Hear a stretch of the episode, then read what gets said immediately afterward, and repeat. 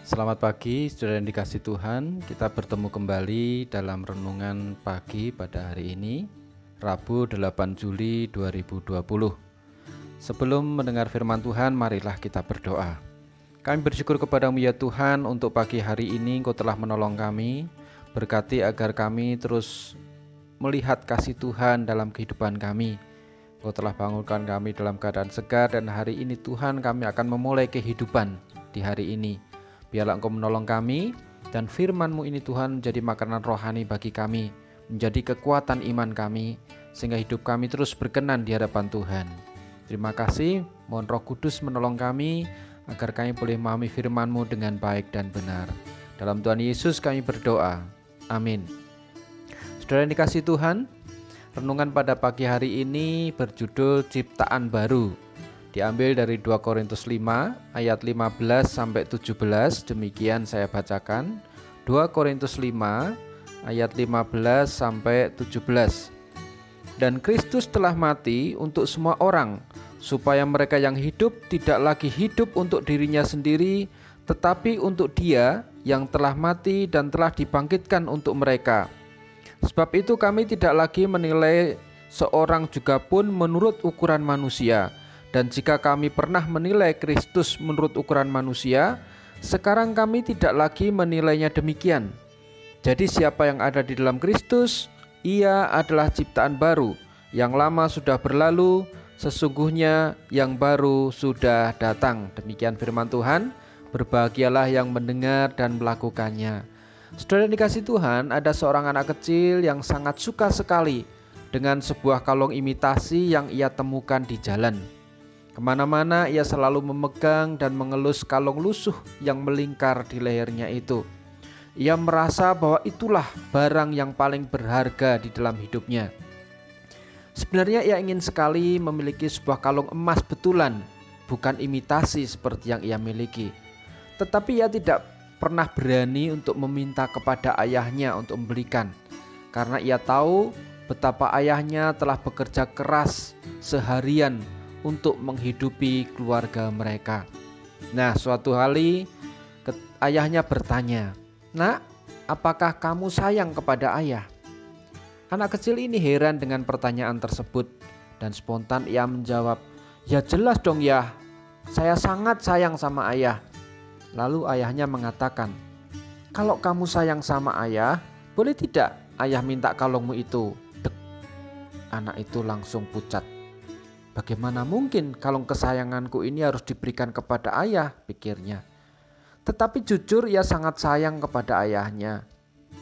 Dengan pelan dia berkata, "Ayah, ini kalung kesayangan saya. Yang diminta jangan kalung ini ya," katanya pelan. Selama tiga hari berturut-turut, sang ayah mengajukan pertanyaan yang sama. Apakah sayang kepada ayah? Kalau sayang, berikan kalung itu. Dan anak ini terus memikirkan hal itu. Hingga akhirnya di hari keempat, saat ayahnya menanyakan lagi, anak ini berkata dengan pelan dan matanya berkaca-kaca. Ayah, saya sangat sayang kepada ayah. Kalau memang ayah menginginkan kalung ini, ini ambillah. Saya sudah merelakannya untuk ayah.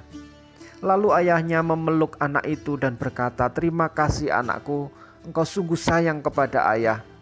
Lalu ayah ini dengan pelan melepas kalung usang itu dari leher anaknya dan membuangnya. Tentu saja anaknya menjadi terpana dan terkejut. Mengapa kalungku dibuang? Tetapi ia menjadi terkejut ketika ayahnya merogoh saku dan mengeluarkan kalung emas baru, lalu mengenakannya di lehernya. Ini kalung emas sungguhan yang ayah beli beberapa hari lalu. Sekarang ini menjadi milikmu, kata ayah. Sang anak langsung merangkul ayahnya dan menangis terharu. Dia tidak menyangka bahwa ayahnya telah membelikan kalung sungguhan yang selama ini telah ia impikan. Saudara dikasih Tuhan, bacaan teks Alkitab pagi ini mengingatkan kita betapa Allah sangat mengasihi kita. Seorang bapa yang tahu akan kebutuhan anak-anaknya. Kadang kita sudah berusaha untuk hidup benar dan berbuat baik, tetapi semuanya diukur menurut diri kita sendiri. Ada kalanya perbuatan baik yang kita lakukan masih ada pamrihnya, hanya untuk kepentingan diri sendiri, agar kita merasa aman, lebih sukses dibanding orang lain, berkecukupan, tetapi tidak begitu peduli dengan orang lain. Tetapi Allah mengingatkan, standar kebaikan yang kita lakukan haruslah menurut ukuran Allah, bukan menurut manusia. Kita adalah ciptaan baru yang harus hidup sesuai dengan standar firman Allah. Kristus telah mati untuk semua orang, supaya kita yang hidup tidak lagi untuk diri kita sendiri, tidak hidup untuk kepentingan kita sendiri, tetapi untuk Dia yang telah mati dan telah dibangkitkan untuk kita, manusia yang berdosa. Jadi, orientasi kebaikan kita harus kita tunjukkan dengan keikhlasan dengan kasih yang mendalam dari hati. Karena Tuhan Yesus sudah menunjukkan kasihnya kepada kita. Dan kasih itulah kasih yang berorientasi kepada Allah. Bukan kasih yang berorientasi pada kepentingan diri sendiri. Kita adalah ciptaan baru. Saudara, dalam masa pandemi ini kita diingatkan untuk memperhatikan sesama. Seperti Kristus yang telah mengasihi kita dengan menyerahkan nyawanya, maka kita pun harus mengasihi orang di sekeliling kita walaupun harus mengorbankan diri kita. Pandemi merupakan sebuah realitas yang harus diterima dan kini saatnya kita memulai hidup baru dengan tatanan kehidupan yang baru pula.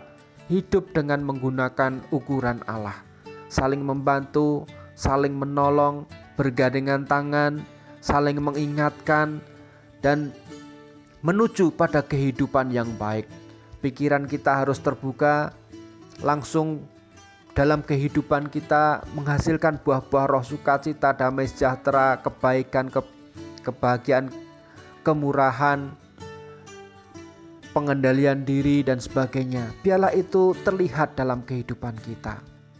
Hidup kita harus memancarkan kasih dan sukacita dari Allah, memiliki pengharapan di dalam Kristus hidup yang bersemangat untuk berbagi dan peduli, dan tidak khawatir untuk menatap masa depan, karena Roh Kudus akan menolong kita menjalani kehidupan ini. Kiranya Tuhan memberkati kita semua. Amin. Mari kita berdoa. Ya Tuhan, kami bersyukur pada pagi hari ini Kau telah mengingatkan kami agar kami hidup seturut dengan kehendak-Mu sesuai dengan standar firman Allah agar hidup kami Tuhan tidak melulu mementingkan diri sendiri, tetapi mementingkan kasih Allah, mementingkan kehendak Tuhan, sehingga kasih itu terus terpancar dalam kehidupan kami. Kami peduli kepada sama kami, berbagi kasih, saling menolong dan saling menguatkan, dan hidup benar untuk kemuliaan nama Tuhan. Berkati hari ini agar kami boleh melaluinya dengan baik Berkati pekerjaan kami, usaha kami, juga untuk anak-anak yang sekolah, cucu yang sekolah, berkati mereka semua Tuhan. Biarlah kami menjadi anak-anak yang terus memuliakan dalam sepanjang hidup kami. Terima kasih ya Tuhan untuk firman pagi hari ini. Dalam Tuhan Yesus kami berdoa. Amin.